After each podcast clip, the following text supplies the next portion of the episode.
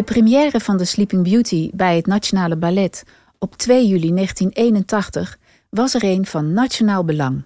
Nog nooit had een Nederlands gezelschap een avondvullend ballet gebracht op zo'n hoog niveau en nog nooit eerder had een ballet zoveel gekost. Sir Peter Wright, de choreograaf, nu 96 jaar, moest er nog om lachen. Philip Prowse, de ontwerper met wie hij samenwerkte, en hij wilde goed uitpakken. En dat past wel bij de traditie. De oorspronkelijke choreografie van Marius Petipa, die op 15 februari 1890 in het Mariinsky Theater in Sint-Petersburg in première ging, was evenzo een gigantische productie. En ook een herneming van Sergei Diaghilev met zijn Ballet Russe in Londen in 1920 werd zo groots aangepakt dat het bijna het faillissement van zijn gezelschap betekende. Mijn naam is Lin van Ellinkhuizen en in deze inleiding bij The Sleeping Beauty ga ik in gesprek met danseres Jane Lord, die betrokken was bij The Sleeping Beauty vanaf het begin. Jane volgde haar studie in Californië en studeerde af aan de National Ballet School of Canada. Vanaf 1979 was zij werkzaam bij het Nationale Ballet, waar ze in 1990 tot eerste solist werd bevorderd. Jane heeft alle hoofdrollen van het klassieke en moderne repertoire van het gezelschap gedanst, waaronder stukken van Rudy van Danzig, Balanchine, Tour van Schaik, Frederick Ashton en Sir Peter Wright. In oktober 2000 nam Jane afscheid van haar carrière als danseres bij het Nationale Ballet met de rol van Seringevee in The Sleeping Beauty. En vanaf 2001 is ze een veelgevraagd gastdocent geweest bij onder andere het Koninklijk Conservatorium, de Henny Jurjen Stichting, Scapino Ballet Rotterdam en nog veel meer. Ze is thans verbonden aan de Nationale Balletacademie van de Amsterdamse Hogeschool voor de Kunsten, waar ze ballet- en repertoirelessen geeft. Jane, welkom. Dank je. Fijn om hier te zijn. Jane, om maar met de deur naar huis te vallen over de Sleeping Beauty. Wanneer danste je dit ballet voor het eerst? Bij de première, de aller, allereerste voorstellingen in 1981. Ehm, en het was een hele grote productie, zoals je zei. Dus het was een heel uh, betekenisvol uh, ervaring voor ons allemaal. En danste je meteen de rol van Seringenvee? Nee, nee, nog niet. Uh, ik zat dan in mijn eerste jaar aan de Corps de Ballet. En ik deed veel verschillende rollen, want je hebt vier verschillende actes. Ik deed een Seringenvee gevolg. Dat zijn zes jonge meiden die de Seringenvee volgen. In de eerste act deed ik de vrienden van Aurora. In de tweede act de nymfe, de Corps de Ballet. En in de derde act een soort karakterrol als uh, Assepoester. Die binnenkomt lopen met haar uh, Prince Charming. Ah, dat zijn de sprookjesfiguren die uiteindelijk op het huwelijk uh, terecht Klopt, uitgenodigd worden. Ja. Dus je hebt als danseres meteen een aantal rollen in zo'n productie. En geldt dat voor de meeste dansers? Ja, alle dansers hebben verschillende rollen. vaak heb je eerste bezetting, tweede bezetting. Dus dat deed ik allemaal als eerste bezetting. Maar dan was ik ook tweede bezetting bijvoorbeeld voor de Blauwe Vogel in de derde act. Of uh, een van de solo's van de Veeën. Of een paar solo's van de Veeën in de proloog. Dus elke avond is anders voor de dansers. En dat is uitdagend. Zeker. Ja, ja. dat is ingewikkeld lijkt me ook. Als je als danser eh, die diverse dingen moet doen. En snelle verkledingen. Ja, klopt is het roze adagio. Dat is een belangrijk moment in de Sleeping Beauty. Kan je, kan je iets vertellen wat dat betekent en daarna ook waarom dat zo technisch zo zwaar is? Ja, klopt. Uh, ik heb bijna alle hoofdrollen gedaan van de repertoire, maar niet Aurora in Sleeping Beauty. Maar ik heb wel een paar uh, eerst solisten gevraagd intussen van wat is echt het moeilijkste deel van de ballet. Inderdaad is de, de Rose Adagio een heel bekende stuk voor het publiek. En je moet wel op balans blijven op één been en je hand wegnemen van de prins.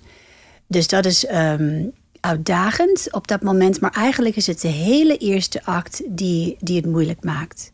Aurora komt eerst op met een kleine solo die heel, uh, heel eh, fris en snel is. Dan doet ze de eerste de Rosadagio. Dan heeft ze een zware solo. En dan is er een code uh, dus je bent helemaal uitgeput tegen het eind van de, van de eerste act. De eerste act. En dan val je op de grond uh, nadat je je vinger prikt. Um, ja. Nou, dat is goed dat je dat nog even toevoegt, want je praat het helemaal technisch door. Maar even voor de luisteraars die nog minder in het stuk zitten, is Aurora dageraad betekent dit eigenlijk doornroosje. Die dus geboren wordt. En eh, wat jij vertelde in de eerste acte, dat roze adagio, dan is ze al 16 jaar. Mhm, Klopt. En dan krijgt ze prinsen op bezoek. En van al die prinsen krijgt ze een roos. Mhm, En dat moet ze in ontvangst nemen mhm. terwijl ze op. eh, aan het dansen is Ja. en haar balans houdt. De bedoeling is dat ze moet, eh een van de prinsen moet ze kiezen om mee te trouwen. Dus zo kan ze een beetje kijken van nou welke prins vindt ze het fijnste. Als het zo was in het gewone leven. Klopt. Ehm, Sir Peter Wright heeft deze Sleeping Beauty ingestudeerd. En hij heeft dat gedaan met inachtneming van het, echt het originele concept hè, van de choreograaf Marius Petipa uit 1890. Herinner je je nog Sir Peter Wright toen hij het ballet kwam instuderen? In Zeker. 81? Ja? Zeker, dat was een, eh, een, een eer om hem over de vloer te hebben. We hebben veel met hem gewerkt, zeker de eerste keer dat we het deed. We waren maandenlang bezig. En Sir Peter Wright geeft heel veel aandacht naar iedereen. Niet alleen de solisten, of wie je eerst ziet, maar iedereen, de figuratie, de karakterrollen. Want hij vindt de, de meme heel belangrijk. En hij legt uit precies hoe je bepaalde bewegingen met je handen moet doen om het heel duidelijk te maken voor het publiek. Dus eh, daar hadden we heel veel baat bij. Toen ook de tijd begon ik de Sitting V te leren. Dus ik heb ook met hem gewerkt aan de details van de Sitting V. Dat, dat, eh, dat ik nog steeds meebreng in de rollen dat ik nu doe. Wat interessant, hè? dat hij ook zo'n aandacht heeft voor de hele groep, vertel je. Want hoeveel dansers staan er op het toneel? Zeker meer dan 100.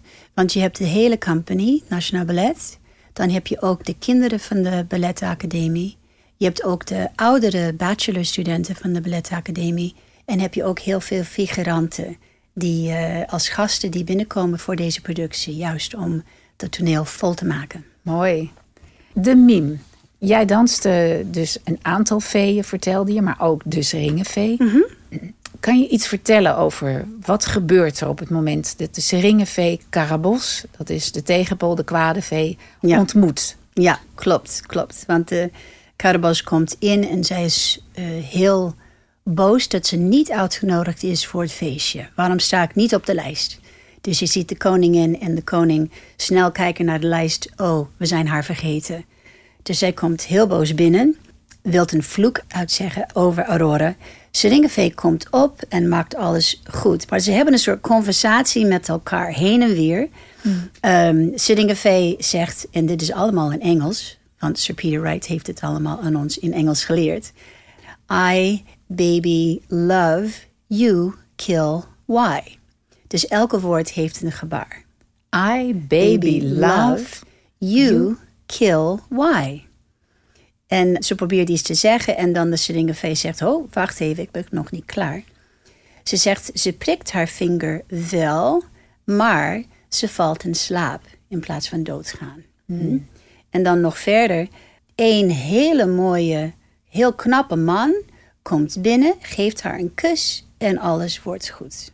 En ondertussen heeft Karabos dus eh, vervloekt dat ze zich zal prikken aan een spoel en zal sterven. Ja, klopt. En klopt. allebei, dat vond ik ook wel bijzonder. Ja, jullie beginnen je, je gesprek met listen when I speak. Ja. En dat is een hele eh, gebaar dat je aan je oren tikt. Ja. En dan eh, komen er bij jou als het ware mooie bellen uit je mond. En bij Karabos Ja, ja, ja. Dus hoe, hoe, je kan precies hetzelfde zeggen.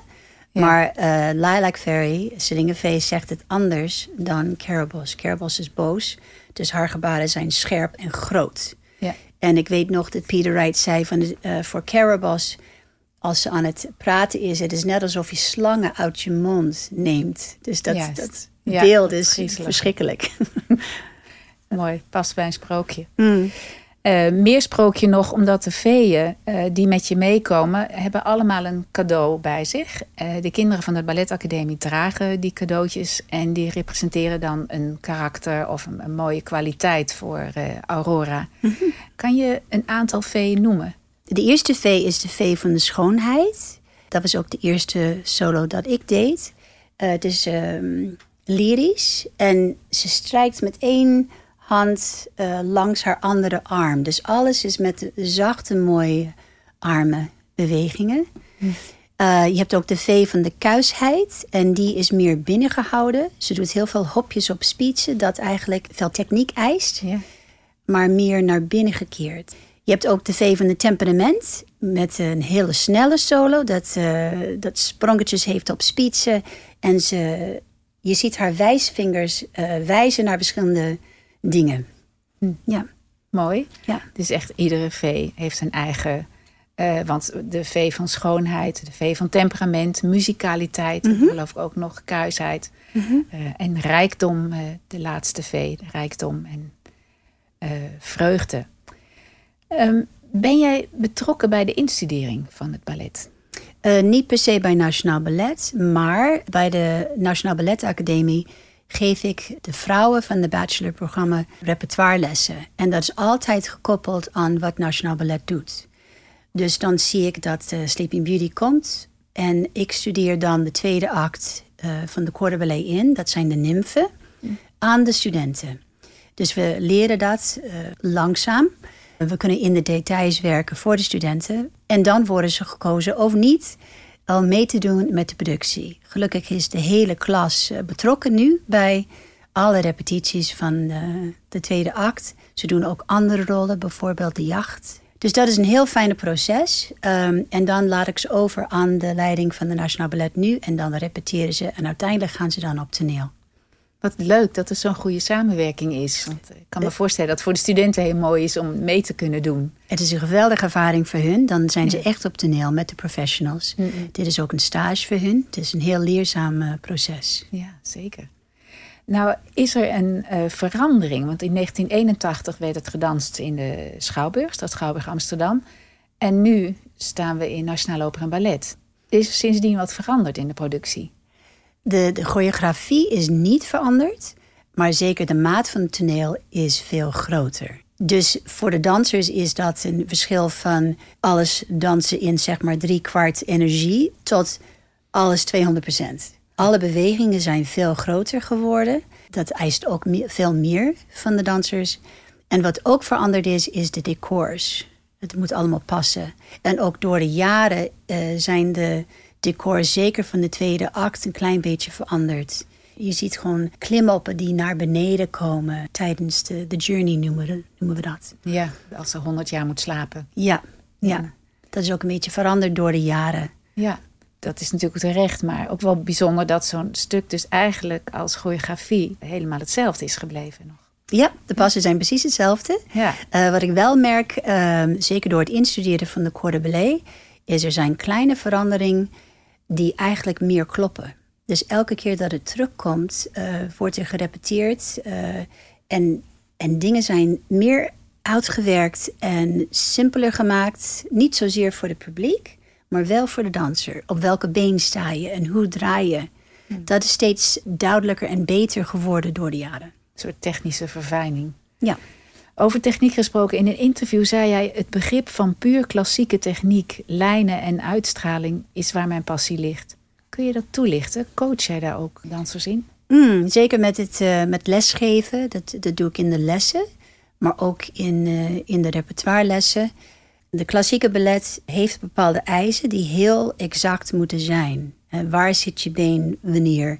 Hoe doe je bepaalde technische stappen? Dus dat leg ik zo goed mogelijk uit. En zeker voor zo'n puur klassieke ballet is het heel belangrijk dat alles heel keurig wordt gedanst.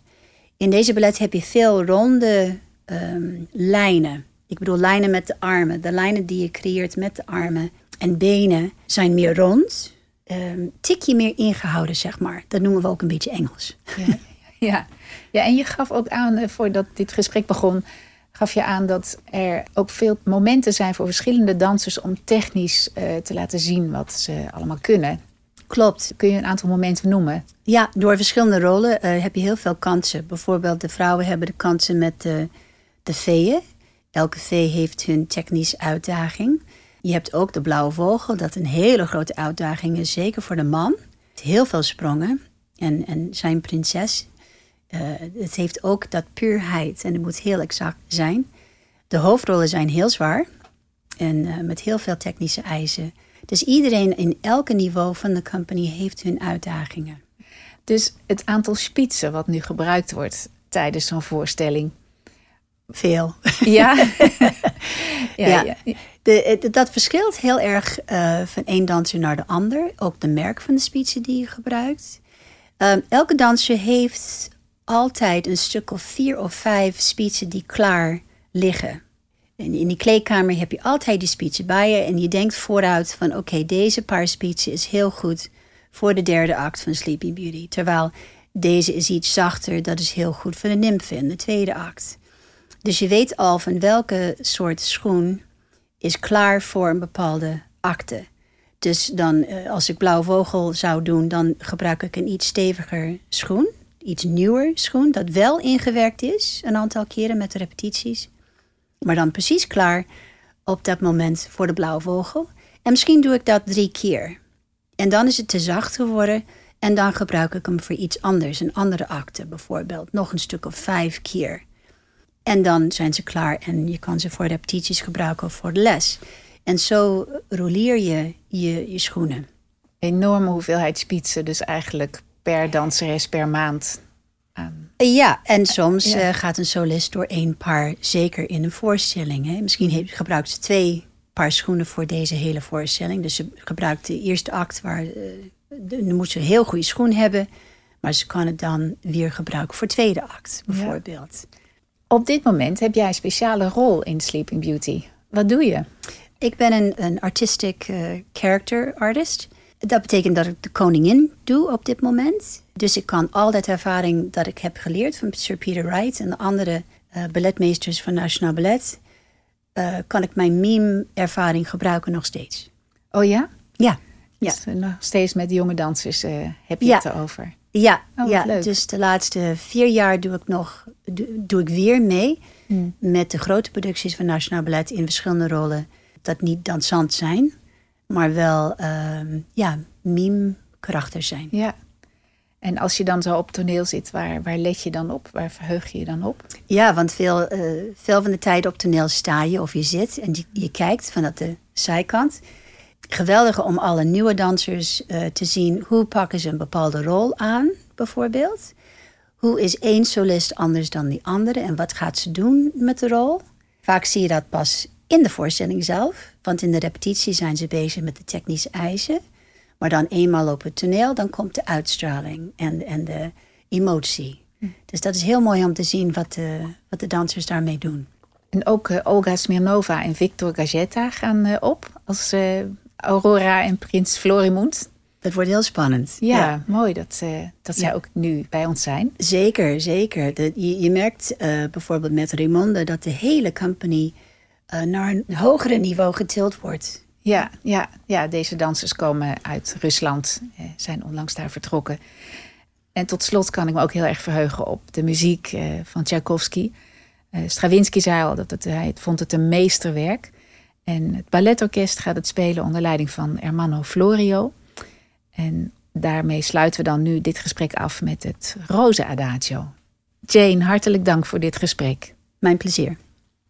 Luisteraars, er is nog veel meer te beluisteren en te vertellen over deze historische voorstelling die 12 oktober aanstaande in première gaat. Ik nodig u graag uit om naar een inleiding te komen die steeds drie kwartier voor aanvang van de voorstelling begint. Tot ziens en hartelijk dank voor uw aandacht.